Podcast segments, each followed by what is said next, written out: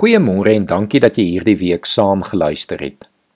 Ons het die week na 'n paar geloofsgewoontes gekyk. Twee van hulle was afsondering en stilte. En ek hoop jy kan dit deel van jou daaglikse rotine maak.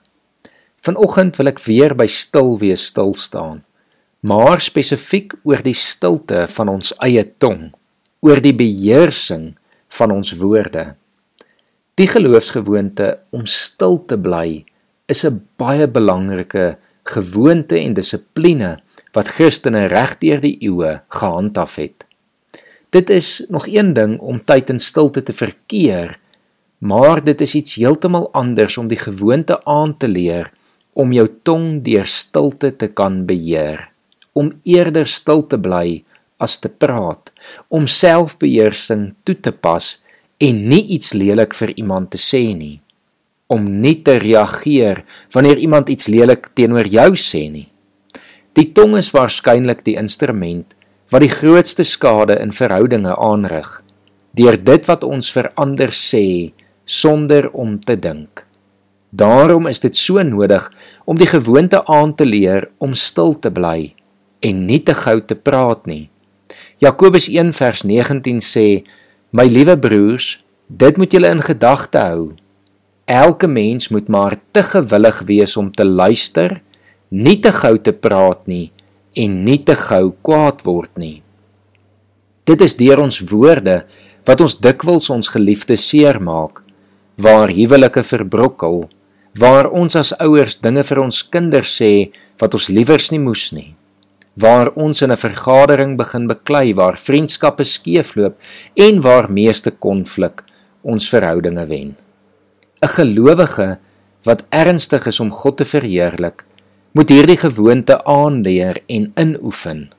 Ek sukkel self hiermee en dink gereeld by myself, "Ai, ek en my groot mond. Hoekom het ek nou dit gesê?" Miskien het jy al dieselfde gevoel. My vermoede is ons almal doen maar.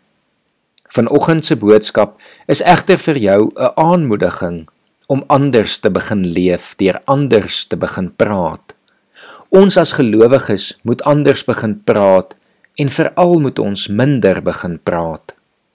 Ek wil vanoggend vir jou voorlees uit Jakobus 3 en ek wil jou vra om te luister na dit wat Jakobus vir ons leer oor stil bly. My broers, julle moenie almal leermeesters wil wees nie, want julle moet weet dat ons wat leermeesters is, strenger as ander beoordeel sal word. Ons struikel almal in baie opsigte.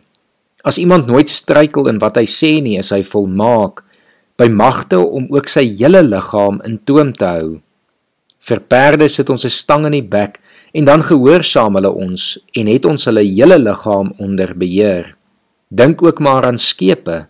Al is hulle baie groot en al is die winde wat hulle aandryf baie sterk, word hulle tog met 'n baie klein roertjie gestuur net waarheen die stuurman wil.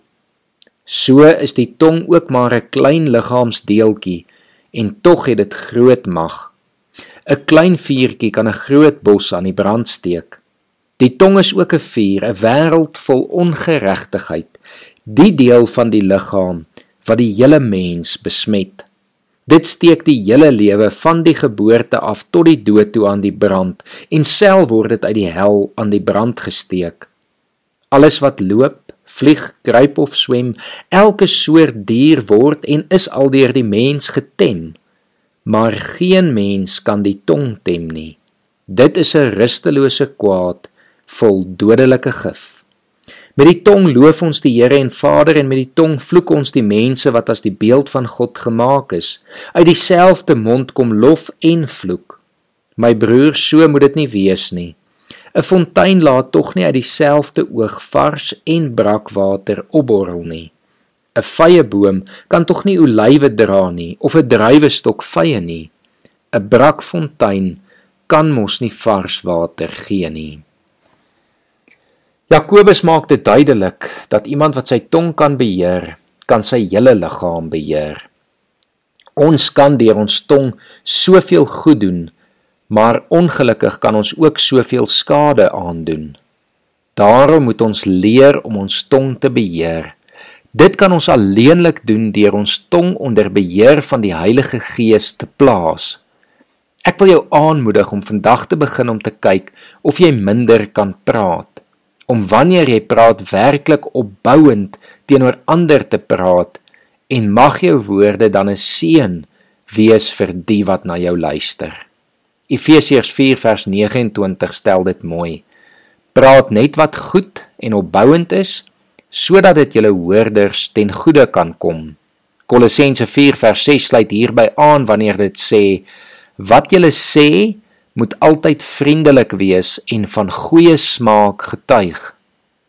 Indien daar 'n situasie oor jou pad kom waar jy kwaad is, waar jy dalk iets wil sê wat jy nie moet nie, oefen dan om te begin bid en die Gees te vra om jou tong te beheer. Sterkte en mag hierdie gewoonte vir elkeen van julle nog baie seën bring. Kom ons bid saam. Here, ons kom bely dat ons vandag net so met ons tonge sukkel as die eerste gelowiges. Here, daar kom by ons mond ook seën en vloek uit. Maar Here, ons wil dit verander. Ons wil anders leef en ons wil anders praat. Here, kom neem beheer van ons tonge deur u Gees. Amen.